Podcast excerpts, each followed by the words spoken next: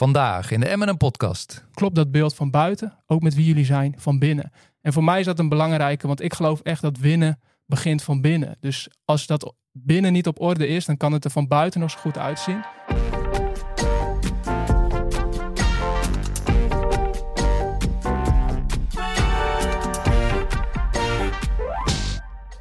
Welkom bij de M&M podcast, jouw podcast over media en marketing. Gemaakt door Mediahuis Noord. In deze podcast gaan we op zoek naar de impact van actuele ontwikkelingen rond media en marketing op ons als professional. In de M&M podcast hoort Joël, die weer naast me zit, en mijn naam is Michiel. Vanuit Studio Zoinks is dit aflevering 11 van de M&M podcast. Joël, vandaag hebben we leiderschap centraal staan. We hebben een gast die zich bezighoudt met performance coaching. Ik heb eigenlijk twee vragen aan je. Waar gaan we het dan over hebben? En waarom is dat belangrijk bij een podcast over media marketing? Nou, we hebben het heel erg. eh, we hebben het een aantal keer gehad over hoe je een sterk merk eh, kan bouwen. Wat je daarvoor nodig hebt. Maar wat we nog niet hebben behandeld zijn de mensen die een merk eh, bouwen. En om, om een sterk merk te bouwen heb je sterke leiders nodig. Dus we gaan het hebben over de relatie tussen leiderschap en een sterk merk bouwen. En dat gaan we met niemand anders doen dan een goede bekende van ons, Geert Hidding. Die als performance coach bezig is om high performance te coachen. Zeg ik dat goed? Wat mij betreft zeker. Eh, en high performance, het is allemaal nog heel breed. Hè? Dus waar, wat is het dan precies? En performance, ik leg het uit, eh, gaat uiteindelijk over doen wat belangrijk is. Eh, dat is de kern en eh, dat doe ik met, eh, met ondernemers eh, en met leiders. En ik help ze om hun doelen te bereiken. Welkom in elk geval Geert. Ja, Leuk dat je er bent. Ja. Hey, en Geert, eh, als ik dit zo hoor, waar kom jij elke dag dan je bed vooruit? Ja, dat is een mooie vraag. Kijk, voor mij elke dag mijn bed uitkomen, allereerst gewoon het leven. Ik, ik hou gewoon van het leven. Ik vind het super tof om datgene wat we gekregen hebben, het leven op zich eh, te omarmen. Dus, eh, dus dat is eh, punt één. En het tweede wat ik echt tof vind is verbetering. Dus mezelf verbeteren elke dag een klein beetje beter is waar ik echt op aanga en wat ik echt tof vind. Cool. Gaan we zo verder praten. Ehm, maar zoals jij weet, wij doen in onze podcast altijd het vaste onderdeel van de stellingen. Dat betekent dat we jou aan de tand gaan voelen aan de hand van een aantal eh, tegenstrijdigheden of tegenstellingen, zoals je het wil noemen. Eh gedurende één minuut leggen we je een aantal smaken voor, zwart of wit. En eh, jij mag kiezen. Yes. En je moet kiezen zelfs. Ik weet dat je winnaarsmentaliteit hebt. En volgens mij zit het record op 17. Ja, Oké, Ja. dus eh, we gaan voor Ja, de goed dat je 18 dat zegt. Ik hoorde net Arjen, eh, of ik hoorde die van Arjen terug, Arjen Ja. Boekholt, die had Ja. er eh, 13 en die zat in de top 10. En dat triggerde mij inderdaad wel om Ja. te kijken van hoe kunnen we dat tempo verhogen. ja, Ja, ja. Wel- ligt ook aan jullie tempo, hè? Wel belangrijk om te melden dat op het moment dat Arjen in de studio was, dat wij eh, onze negende podcast aan het opnemen waren. Dus het was eh een knappe prestatie dat hij in de top 10 is geëindigd. Check, hij heeft de lat hoog gelegd. Heel goed. Alright, are you ready? Jazeker. Gaan wij groots en meeslepend of klein maar fijn? Klein maar fijn. Marathon of sprint? Marathon. Voortgang of resultaat? Voortgang. Structuur of flexibiliteit? Structuur. Stekken eruit of doormodderen? Stekken eruit. Chaos of structuur? Structuur. Focus op kracht of werken aan zwaktes? Eh, focus op kracht. Neder- Nederland of Nepal? Nederland. Werk of privé? Privé. Spits of keeper? Spits. Verleden of toekomst? Toekomst. Veel risico of op safe? Risico. Oké, de harde waarheid of diplomatieke aanpak? Harde waarheid. Een kickstart of een stapje voor stapje? Stapje voor stapje. In de spotlight of in de luwte? Luwte. Geld verdienen of een bijdrage aan de maatschappij? Geld verdienen. Conventioneel of out of the box? Out of the box. Carrière maken of een gezonde work-life balance? Gezonde work-life balance. We En zijn een er. applaus, want Ja. je hebt Ja, 18 hebben gehaald. Ja, het is eh, ongelooflijk, Geert. Ja. Ja, en ik moet wel eerlijk zeggen, ik, ik, de, er waren wel echt een aantal die me er gelijk daarna wel triggerden om erover na te denken. Dus Vertel. Welke? eh, nou, ik vond de, de bijdrage aan de maatschappij en het geld, die triggerde mij. Ja, dat Eh, heeft je wel wat tijd gekost. Ja. Ja, dat klopt. Daar heb je denk ik één of twee stellingen verloren aan, eh, die had kunnen... Ja, weet je, bijdrage aan de maatschappij is wel echt, echt een grote, grote waarde. Is wel echt iets wat, wat, wat, wat ik vind is belangrijk voor mij, is belangrijk voor ja, leiders, leiderschap. Ja. Ehm, maar ik zie ook geld verdienen ook zeker als een heel mooi middel om dat te kunnen bereiken. Dus als de, hè, de focus ligt ook op het geld verdienen, op dat stuk. eh, dan, uh, dan, dan, dan kan het andere erbij komen. En dat kan, uh, dat kan dat grotere doel dienen. Hey, en ik zag wel een lijn in een aantal antwoorden. Jij ging bijvoorbeeld voor de harde waarheid versus de diplomatieke aanpak. Jij ging voor veel risico. Um, typeert dat jou? Risico nemen, duidelijk zijn, hard zijn? Steeds meer. Ja? Ja, het, Komt is, wel een, het is wel een proces geweest. Nou, omdat ik wel merk dat waar ik mee begon, uh, als je wil gaan voor verbetering, dan helpt het enorm om heel eerlijk te kunnen zijn. En ook de harde waarheid te kunnen zien, te kunnen erkennen. Uh, want alleen dan kun je er iets mee doen. Dus als je niet weet wat, wat, wat de waarheid is, of daarnaar op zoek durft te gaan, ja, dan is het heel moeilijk om jezelf te verbeteren. Ja. Um, en de andere was? Veel risico of op safe. Ja, precies. Ja. Ja, ik denk dat ik in mijn, als ik terugkijk, dat ik geneigd ben om op safe te spelen. En dat ik steeds meer ontdek dat um, het risico nemen, uh, dat daar ook ontzettend veel waarde achter zit. Dus, uh, en, en als je echt iets wil veranderen, als je echt iets wil bereiken, ja, dan moet je het lef hebben om uh, het diep in te springen en het risico aan te gaan. Wat is er bij jou veranderd dat jij die omslag aan het, aan het maken bent? Van zacht naar hard, van indirect naar direct?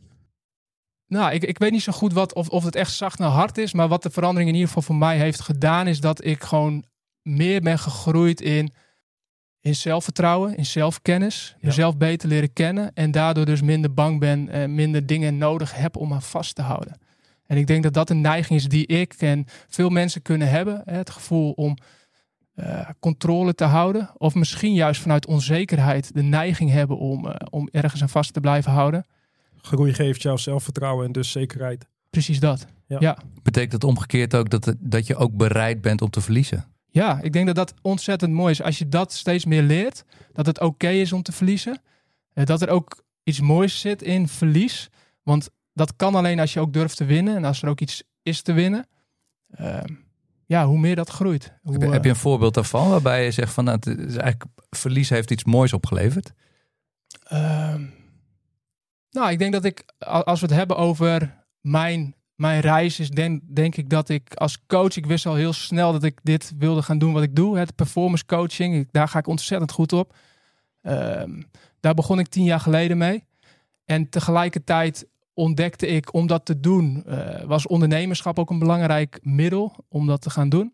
Ja, en in die beginjaren dacht ik echt, ik timmer een bordje met tuinbewijzen van. En uh, mensen komen naar me toe. Dat, dat gaat gewoon lopen en dan kan ik aan de slag. Uh, en daar heb ik wel veel verlies mee gemaakt in de zin van veel ambities die ik had en veel doelen die ik had. Ik merkte daarin dat het proces helemaal niet zo ging als dat ik me voorgenomen had of dat ik dacht dat het zou gaan. Oftewel, ik moest echt goed leren om, om wat ondernemerschap ook is. En uh, daarin ook meer geduld opbrengen. Dus dat, dat heeft voor mij wel een, uh, een impact gehad in de zin van oké, um, ik wil dit wel heel graag. Dus ik heb wel doorgezet. En ik heb toen ook steeds meer weer op dat gebied geleerd. dus dat verlies is op, uiteindelijk heel, heel belangrijk geweest. Mooi, mooi voorbeeld, denk ik. Ja, ja. zeker. Ja. Hey, we hebben jou uh, leren kennen aan de hand van uh, de 18 stellingen die jij uh, hebt beantwoord. Um, laten we ook verder gaan naar het onderwerp van vandaag. Want ik heb daar wel een vraag over. Um, volgens jou zijn er veel, zoals jij het eerder noemde, Instagram-bedrijven. Dus het oog van buiten heel mooi, maar aan de binnenkant matcht dat niet helemaal met hoe het er van buiten uitziet. Kun je dat eens uitleggen? Wat bedoel je daarmee? Ja, dus het, het, het Instagram-fenomeen, ik denk dat we dat allemaal kennen, inderdaad. Uh, weet je, de plaatjes, als je scrolt op sommige van die accounts, dan ziet het er zo fantastisch uit.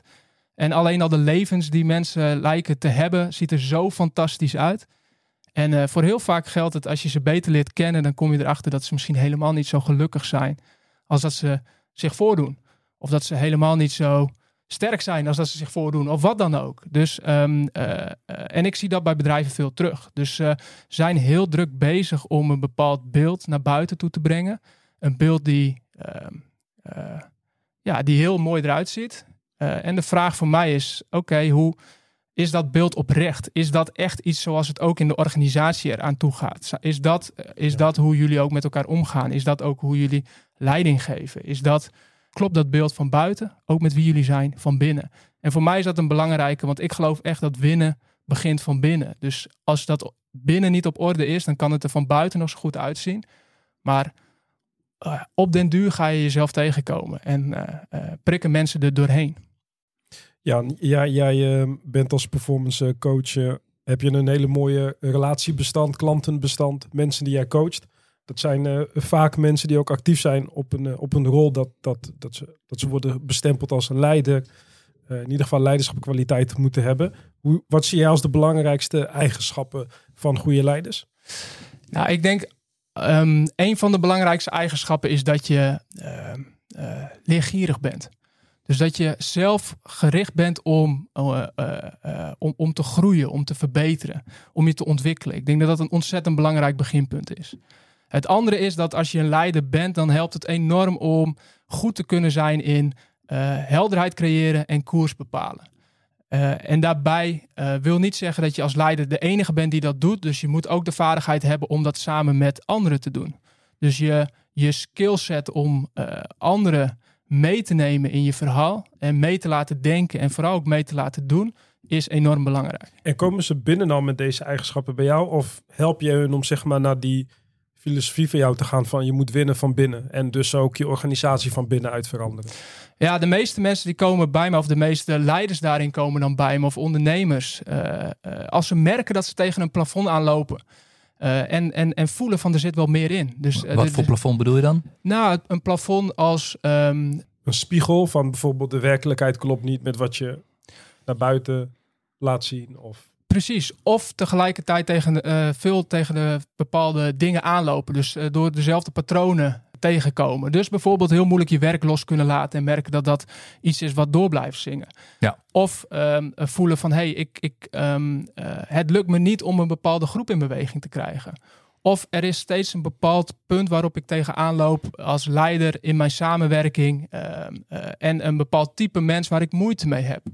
Of misschien, ik, uh, het lukt me maar niet om de controle los te laten. Ik denk dat dat ook een grote is die veel leiders tegenkomen. Dat ze het gevoel hebben van ik wil eigenlijk verantwoordelijkheid meer delen. Ik wil meer mm -hmm. eigenaarschap bij anderen.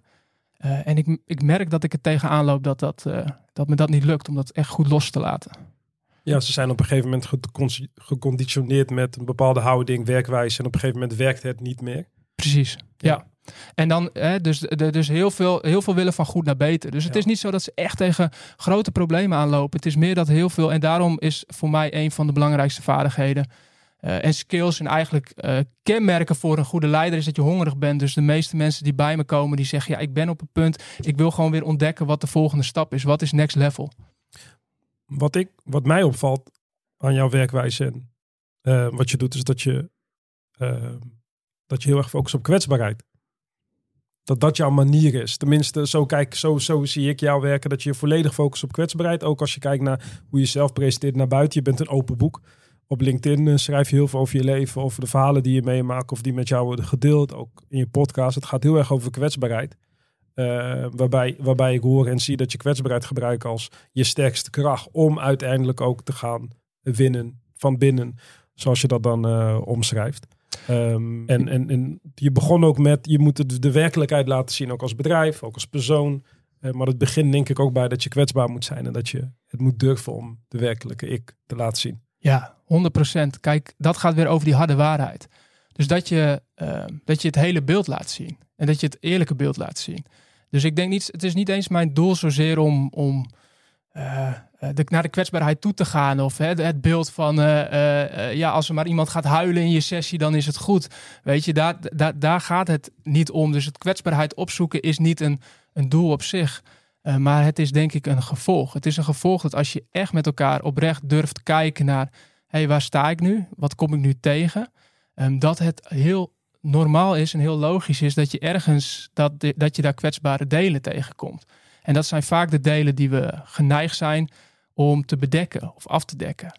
En als je dat doet, dus als je er niet naartoe durft te gaan, dus als je, eh, dus als je niet echt ook je angst of je onzekerheden of de spanningen die je ervaart durft te delen, dan gaan ze tegen je werken. En daaruit komen heel veel patronen voort. Dus het is denk ik wel waar dat, dat vaak de kwetsbaarheden naar boven komen in mijn werk. Mm -hmm. um, maar dat is een gevolg van de openheid en de, de, de bedding, de setting creëren voor mensen om zichzelf te kunnen zijn. En dan zul je merken dat als we als mensen onszelf zijn, ja, dat kwetsbaarheid daar gewoon een, een onderdeel is. Gewoon, gewoon ja, een deel van wie we zijn. En er zit ontzettend veel kracht achter. Zie je dat als trend binnen leiderschap? En zie je nog andere trends?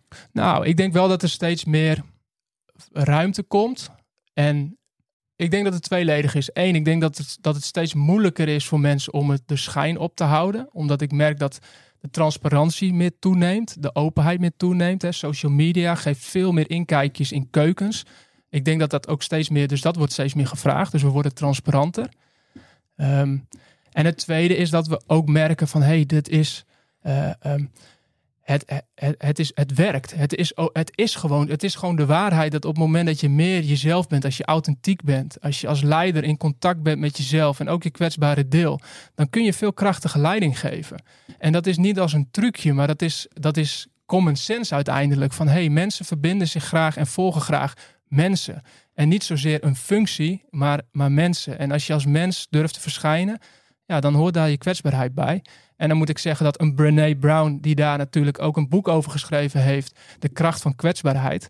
Ja, met haar werk opent ze natuurlijk dat gesprek steeds meer. En uh, merk je dat daar veel meer aandacht voor komt. En dat het minder in het verdomhoekje wordt gestoken of als een zwakte wordt gezien. Net zoals dat coaching, denk ik, ook heel lang hè, is, is, werd misschien ook als zwakte gezien.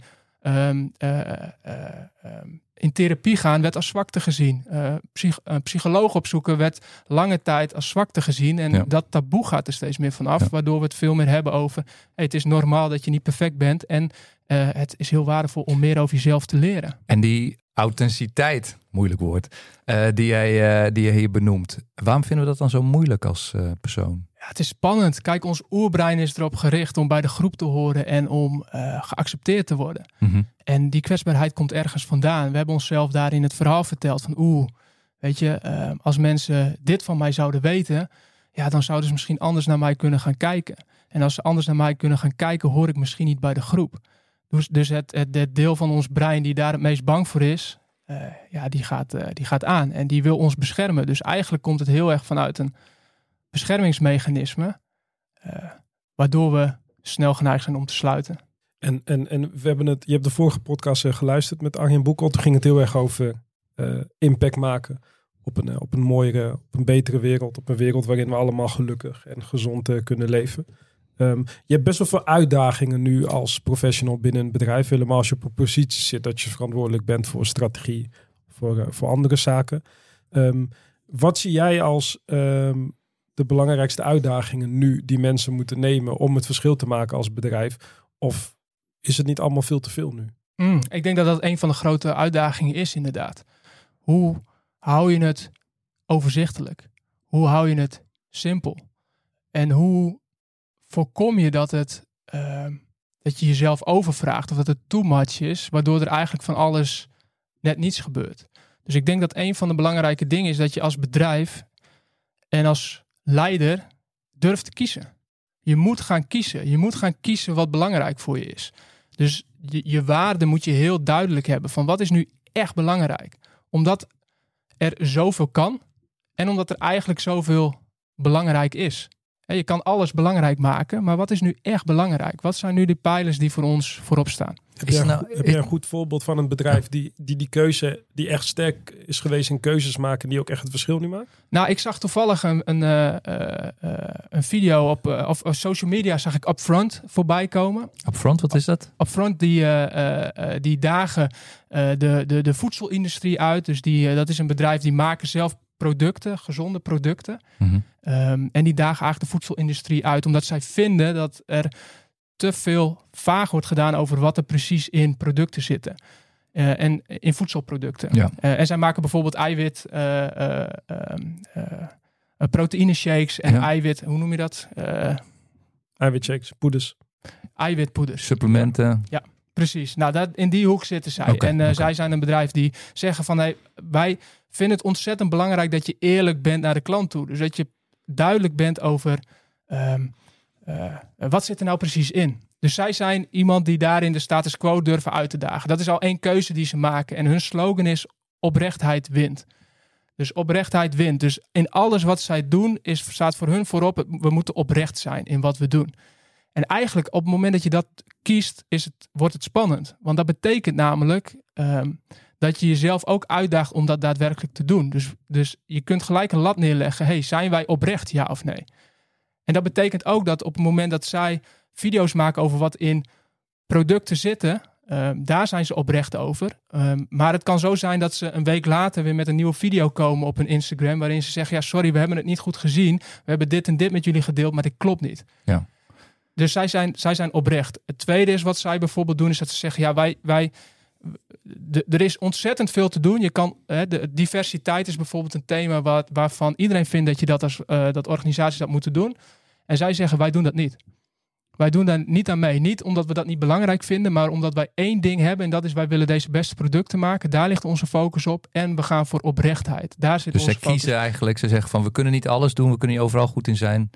Dus we vinden het wel belangrijk, maar wij kiezen ervoor om juist op die oprechtheid het verschil te maken. Exact, ja. ja. En dat vraagt om lef. Want dan, dan, dan, dan wordt het namelijk ook, dan kun je daar ook op afgerekend worden. En dat is denk ik wat voor heel veel organisaties en leiders makkelijker is om niet te kiezen. En dus daardoor eigenlijk heel veel te hebben. Het gevoel te hebben dat ze heel druk zijn of dat er heel veel is. Maar het heeft vaker te maken met dat het de uitdaging is om prioriteiten te stellen. En dat het spannend is om prioriteiten te stellen. Want als je het een boven het ander plaatst, kun je daar ook op afgerekend worden tussen aanhalingstekens. Ja, nou, nou wilde ik aan jou vragen, want dit is natuurlijk een prachtig uh, ook marketingverhaal. Hè? Dus je hebt een heel sterk uh, iets wat je kunt verkopen, waar je onderscheidend in bent, die oprechtheid.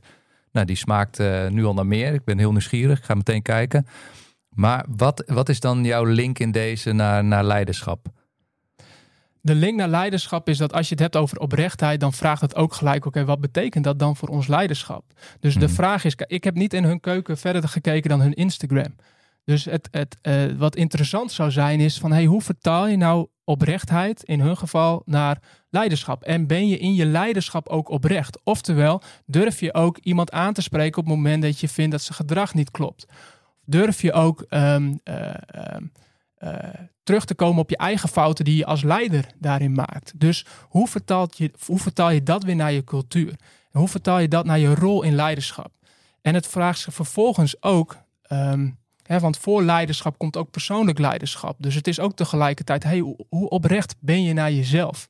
En durf je daarin ook weer de harde waarheid aan te gaan? Of durf je daarin te kijken van, hey, ben ik eerlijk naar mezelf? Tot en met het punt van, hey, werk ik nu binnen een bedrijf waar ik nu zit? Ben ik hier echt tevreden? Ben ik hier gelukkig? Um, haal ik eruit wat, ik, wat, wat erin zit? Uh, of ben ik eigenlijk een beetje op safe aan het spelen en een beetje op 50% van mijn potentie aan het spelen?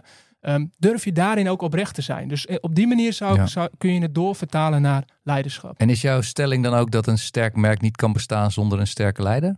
Ja, ik denk dat een sterk leider een ontzettend grote rol daarin zit, uh, speelt. Absoluut.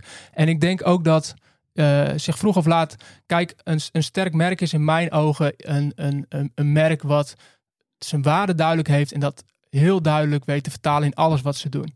En daar hoort leiderschap bij. Dus daar hoort bij dat als je ergens voor durft te staan, dat je dat vertaalt. Dus als Coolblue zegt, alles met een glimlach, is het voor mij interessant. Als je echt een sterk merk bent, dan, dan kom je daar ook binnen en dan vertaalt zich dat ook in de manier hoe zij met elkaar omgaan.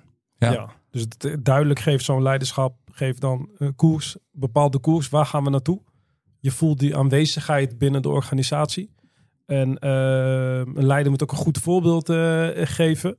Uh, transparant zijn. Uiteindelijk is het doel volgens mij dat alle medewerkers gaan bijdragen en voelen dat ze bijdragen aan iets. Um, we hebben het een keer eerder erover gehad dat dat, dat kan door een, een groeimindset te creëren in je organisatie. Um, Um, laten we het daar even heel kort over hebben. Van hoe belangrijk is het dat het niet alleen eindigt en begint bij een leider. Maar dat de hele organisatie het gevoel heeft van nee, wij kunnen met z'n allen eraan gaan uh, bijdragen. Wat ja, dat, is, dat vind ik ontzettend interessant. Omdat de misvatting wel eens kan zijn dat leiderschap alleen gaat over de formele leiders. Hè, de mensen die op een bepaalde positie zitten. Maar in mijn ogen is iedereen een leider. Dus je hebt in, in leiderschap kun je, kun je, iedereen kan zijn rol daarin pakken.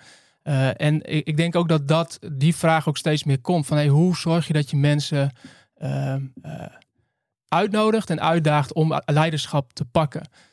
en dat gaat heel erg over eigenaarschap. dus, dus um, en, en, jouw vraag was, Joël, ik ben hem even kwijt.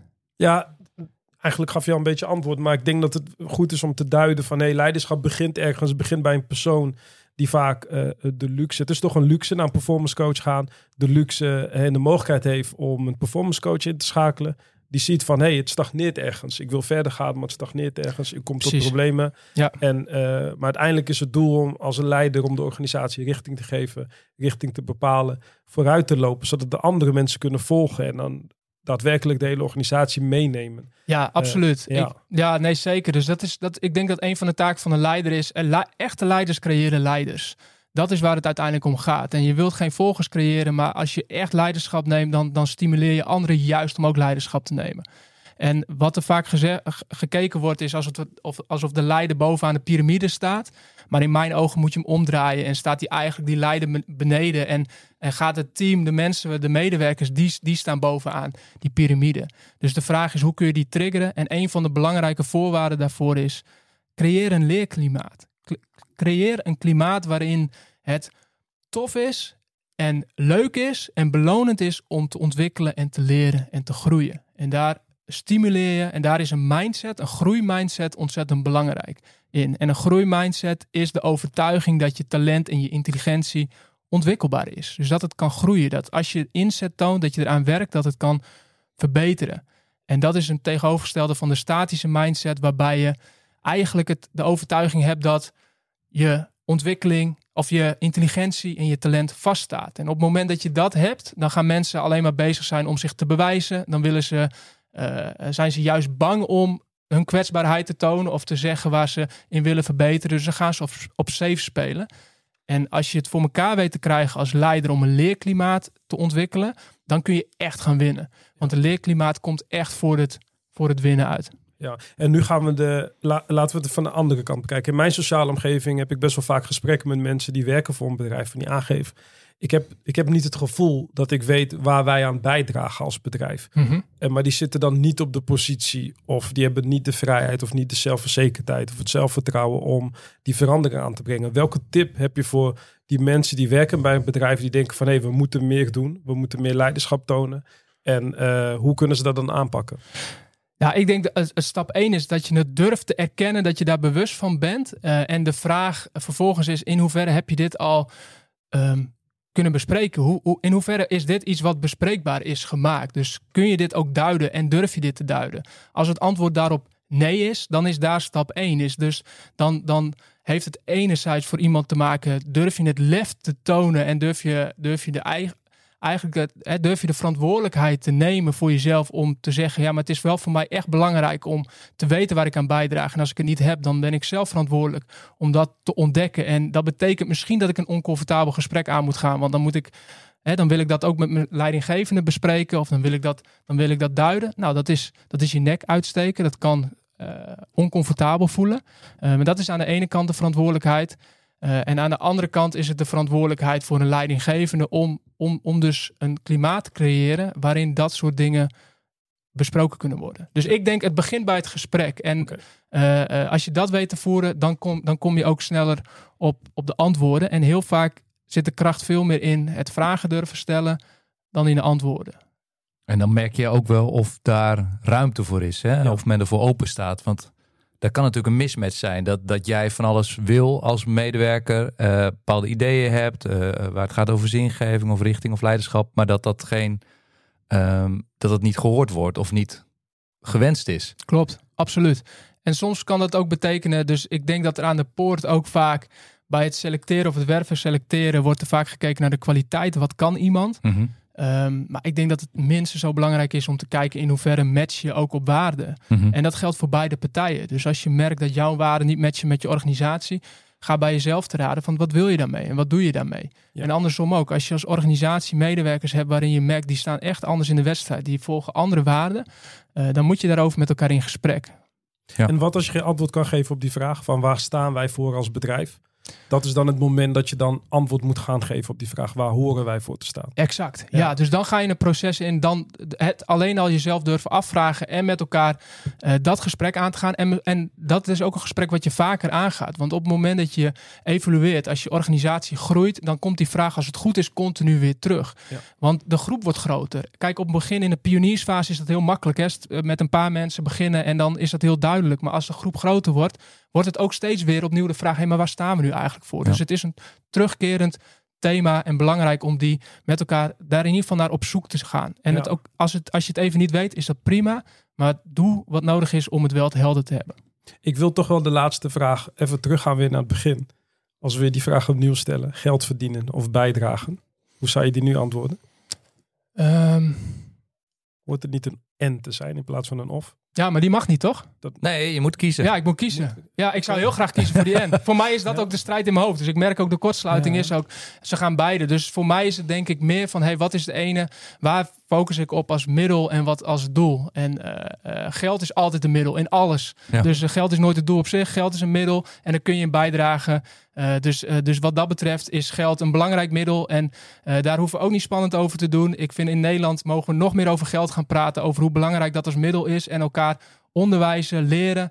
Eh, ook een deel van leiderschap. Van hey, leer elkaar ook eh, eh, hoe het financiële spel werkt. Want het is een ontzettend belangrijk middel. En laten we dat gebruiken om eh, steeds meer bij te dragen aan de maatschappij. Mooi, mooi, mooi. Hebben we ook iets geleerd. Ja, ik wou zeggen, wat heb je geleerd, Nou, Joël? Wat haal je er het meest uit? Het is geen dilemma. Het is denk ik de dilemma om te zeggen van nee, het is geen of, het is een en. Want als je alleen maar geld verdient, word je ongelukkig. Of mensen in je organisatie gaan ongelukkig worden en vertrekken. Eh, maar het is, het, nog, het is nog mooier om beide te doen. Bijdragen aan de maatschappij op een manier dat je ook geld verdient. Het is ook weer een mooi voorbeeld van transparantie, Ja. eerlijkheid, openheid geven. Juist. Ja, en ik, Ja. Wil, ik wil terugnemen dat eh, werken met de performance coach een luxe is. Het is geen luxe, want het is een investering. Hmm. Dus ik zei het is een luxe, het is een investering. Dus eh, dat wil ik eh, terugnemen. Maar wa- wat ik heb geleerd in ieder geval is dat, dat het, eh, dat, dat het een, een als, je, als je wilt gaan naar succesvol, een succesvol merk bouwen, dat het begint bij sterke leiders. Eh, maar dat het niet stopt bij een sterke leider. Dus daar ben ik. eh, Iedereen is een leider, hè? Iedereen is een leider. En, eh, en eh, dat heb ik ook geleerd. Ik dacht leiders creëren volgers, maar leiders creëren leiders. Ja. Eh, winnen van binnen hebben we vaak over gesproken. Dus eh, eh, ehm, dat zou ik iedereen aanraden om gewoon de podcast van Geert te beluisteren. Die heeft het bijna wekelijks, twee wekelijks. Heb jij het over een... Ja, ik ben druk geweest met de Performance Journal de afgelopen periode. Ja. Dus er is iets minder podcast geweest. Maar eh, in principe deel ik eh, twee wekelijks een nieuwe podcast. En nog Ja. even voor de luisteraars, de naam van de podcast is Winnen van binnen. Winnen van Binnen. Gaat dat horen? ja. Alright. Hey Geert, wij zijn alweer aan het einde gekomen van deze aflevering. Ik wil je ontzettend bedanken voor jouw komst en het mooie gesprek dat wij hier hebben kunnen voeren. Ja, jullie bedankt voor de uitnodiging. Leuk dat je er was. Eh, en denk je nou, eh, er moeten nog specifieke onderwerpen eh, behandeld worden? Hey, er gaat weer wat draaien in mijn hoofd. Ik ben nieuwsgierig naar iets anders ten aanzien van media en marketing. Of ik wil hier juist nog op verder gaan. Laat het ons vooral weten. Je kunt een mailtje sturen naar podcast.mediahuisnoord.nl.